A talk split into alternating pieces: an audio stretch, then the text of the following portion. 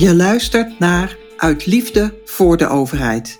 De podcast voor al die leiders binnen de overheid die heel bewust hun werk willen inzetten en gebruiken om optimaal van meerwaarde te kunnen zijn voor de overheid zelf en daarmee voor de samenleving. Voor iedereen die net als ik gelooft in een overheid die in iedere actie van meerwaarde is voor de samenleving. Omdat dat de bedoeling is, omdat het kan en omdat het voor iedereen leuker wordt.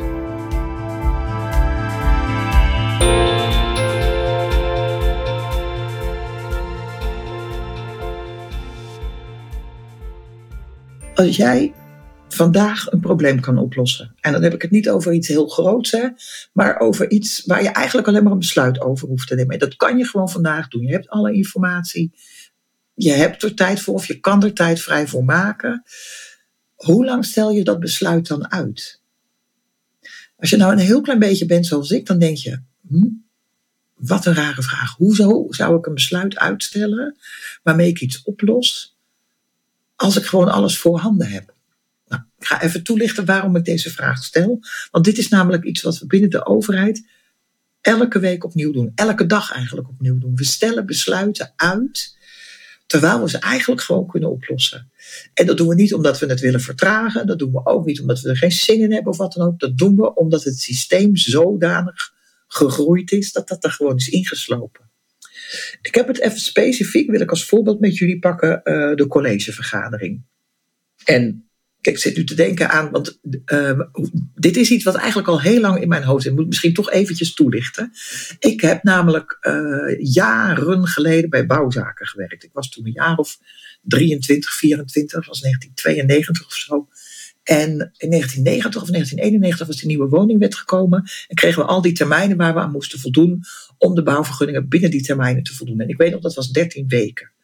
En 13 weken, dat is best lang, dat is drie maanden. En ja, we haalden heel vaak die termijnen, gelukkig. Maar al met al duurde het gemiddeld, denk ik, toch nog wel een week of zes tot acht. voordat we zo'n bouwvergunning weer de deur uit hadden. Dus vanaf het moment dat hij bij ons binnenkwam. tot het moment dat hij met de stempel erop van goedkeuring weer de deur uitging. Terwijl, als je kijkt naar hoeveel tijd er echt iemand met die bouwaanvraag bezig is. dus dat hij mis aan de handen heeft, dat hij erover aan het discussiëren is, misschien met iemand, of dat hij aan het toetsen is van hey, voldoet die bouwaanvraag nou dat zal misschien, nou, wat zal het zijn geweest? Twee dagen of zo zijn geweest, misschien nog niet eens. Maar in die tussentijd ligt die bouwaanvraag dus gewoon, en tegenwoordig is dat dan digitaal natuurlijk, maar toen was het nog gewoon in een kast, in een bakje, ligt die bouwaanvraag te wachten. En ik weet nog dat ik dat toen al ja, raar vond. Mijn hele systeem is namelijk heel erg gericht op efficiency. En dan dacht ik, ja, jeetje, wat gek eigenlijk. Maar waar had dat nou mee te maken? We hadden een bepaalde volgorde. We moesten aan een aantal criteria toetsen. De bouwverordening, welstand, het bouwbesluit, bestemmingsplan. En daar zat wel een bepaalde volgorde in. Want als een bouwaanvraag bijvoorbeeld door welstand werd afgekeurd, dan hoefden we al helemaal niet aan het uh, bestemmingsplan bijvoorbeeld te toetsen. Ik weet het niet meer precies of het die volgorde was, maar zo zat er wel een volgorde in. Maar dat betekende ook, welstand bijvoorbeeld was zoiets. Dat vergaderde, dat was een commissie van externen, die kwam één keer in de week bij elkaar. Dus als jouw bouwaanvraag toevallig op uh, woensdag bij ons binnenkwam. En die welstandsvergadering, dat weet ik ook nog. Die vergaderde op dinsdagmiddag. Dan lag jouw bouwaanvraag dus gewoon een hele week te wachten. Of bijna een hele week te wachten. Totdat die uh, welstandscommissie weer bij elkaar kwam. En eigenlijk is dat natuurlijk hartstikke zonde. Net zo goed als dat de andere kant is door het in een bepaalde volgorde en in zo'n proces te zetten, bouw je ook weer een bepaalde efficiëntie op, juist in je organisatie. Dus dat is de reden waarom we het zo doen. Nou, ga ik eventjes terug naar die collegevergadering, want dat is natuurlijk exact hetzelfde ontstaan op die manier. Het college uh, bij gemeente vergadert dinsdagochtend. Dat weet iedereen die in gemeenteland werkt. Iedereen weet ook, dinsdagochtend hoef je de gemeentesecretaris niet te bellen, hoeft de wethouder niet te bellen, hoeft geen afspraken in te plannen. Want die zitten dan in die collegevergadering. En dat doen ze door het hele land. Dus dat is ook weer zoiets. Dat is eigenlijk best makkelijk dat je dat weet. Nou zit er natuurlijk ook een nadeel aan. Want als we maar één keer in de week collegevergadering hebben, dan betekent het dat als ik de collegevergadering van dinsdagochtend mis met mijn voorstel, om wat voor reden dan ook, en ik ben pas op woensdag klaar, dan moet hij dus tot de volgende week dinsdag wachten. Net, helemaal vergelijkbaar met wat ik net vertelde over die bouwvergunningen. En uh, om het dan nog een slag tussen aanhalingstekens erger te maken. Kijk, we hebben elke week een collegevergadering. Maar er zijn natuurlijk ook stukken die moeten naar de raad. En de raad vergadert gemiddeld genomen tien keer per jaar. één keer per maand. Met uitzondering van de zomerperiode.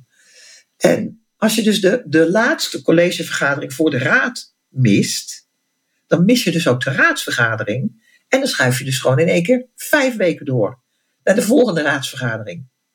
En dat is natuurlijk helemaal zonde. En ik weet ook de frustratie die dat met zich meebrengt. Hè, uh, van mensen die dat dan net om wat voor reden dan ook missen. Er, zitten soms hele goede redenen bij. Ze hebben een advies van een externe nodig. En dat is eigenlijk net te laat binnengekomen. Maar dan proberen ze het toch nog op tijd af te maken.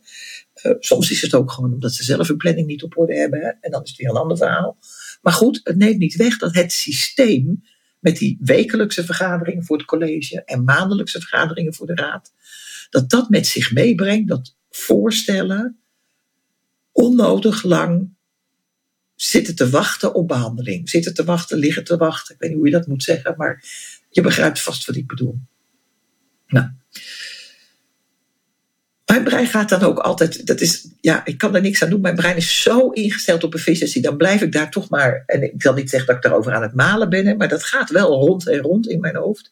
En toen op een gegeven moment dacht ik, waarom vergaat het het college niet gewoon elke dag? Elke werkdag? Van 9 tot 10 bijvoorbeeld, kort. Want die collegevergaderingen die er nu zijn, in die dinsdagochtend. Nou, er zijn colleges die het heel snel doen, maar dan zijn ze nog van 9 tot 11 minstens wel bezig. Er zijn ook meer dan genoeg colleges die van 9 tot 2 bezig zijn. Of van 9 tot 4. En we weten allemaal dat als je zo lang vergaat, het is helemaal niet meer effectief. Het is ook niet leuk, het vreet energie. Je krijgt er weinig voldoening van.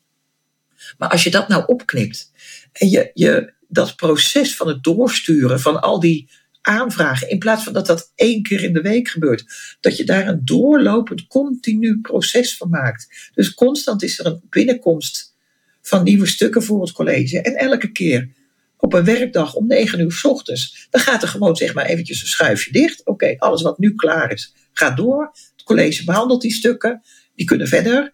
Uh, en dan gaat het schuifje weer open. En dan komen er vanaf die dinsdag om, om tien uur komen er weer nieuwe uh, collegestukken voor de woensdag binnen.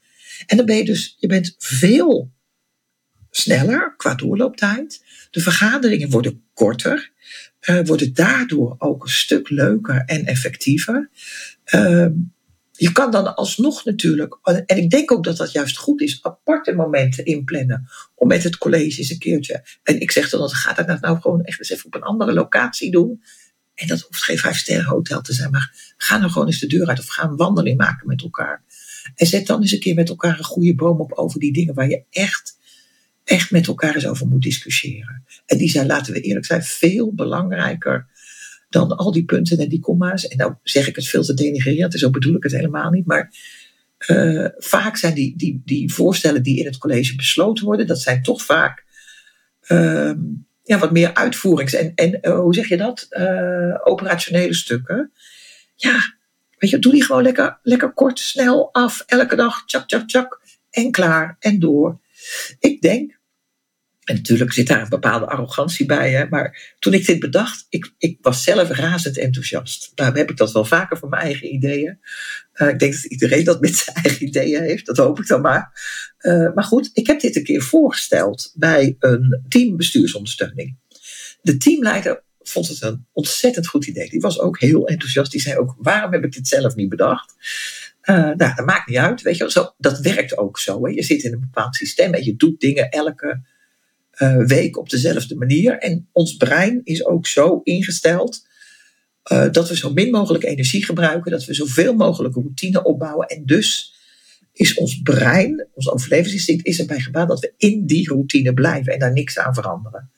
Dus we hebben onszelf eigenlijk een beetje als tegenstander in het verbeteren van dit soort processen. Maar goed, die teamleider was er razend enthousiast over. We hadden toen een teamdag met het hele team. En we, op een gegeven moment, we zaten er lekker in. En we besloten van, nou weet je wat, we gooien hem erin. Daar heb ik ook weer wat van geleerd. Natuurlijk moet je niet doen. Je moet dat gewoon even goed voorbereiden. Stapje voor stapje. Maar goed, wij gooiden hem er gewoon in. En uh, we kregen ongelooflijk veel weerstand. Nee, dat kan niet. En dat vindt het college nooit goed. En uh, nee, en dan gaan ze veel te veel van ons verwachten. En dan gaan ze elke dag zo lang vergaderen. En dan, en dan, en dan, weet je, allemaal argumenten waarom het niet zou slagen. Nou, voor dat moment hebben we hem losgelaten. Ook ons realiseren, dat hebben we niet handig aangevlogen. Gebeurt mij ook nog wel eens.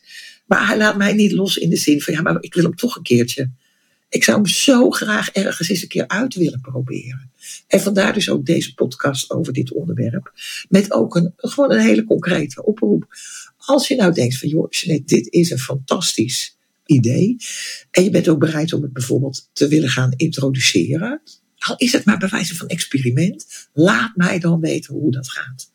Want ik ben ervan overtuigd dat het kan werken. Ik ben er ook van overtuigd dat je, als er één schaap over de dam is, volgen er meer. Als er één college is die dit doet, dan zullen er meer gaan volgen. En zo kunnen we stapje voor stapje die overheid beter, sneller, effectiever, efficiënter maken. Moet ik nog één ding erbij zeggen? Kijk, ik realiseer me natuurlijk heel goed hè, dat niet alle stukken besproken worden in het college. Dat je wat we vroeger de paravenstukken noemden, dat je dat nog steeds hebt. Daar heb ik het dus niet over. Ik heb het specifiek over die stukken die besproken moeten worden. Ja? Oké. Ik ben razend benieuwd wat je ervan vindt. Voor zover ik weet is er geen enkel college in het land dat dit nu al doet. Maar misschien loop ik daarin achter. Dus ook daarin corrigeer me vooral als ik het verkeerd uh, heb. En uh, laat het me weten als je zegt van hey, dit is een fantastisch idee. Hier ga ik mee aan de slag. Kom ik in de volgende podcast weer met nieuwe briljante ideeën. Beloofd.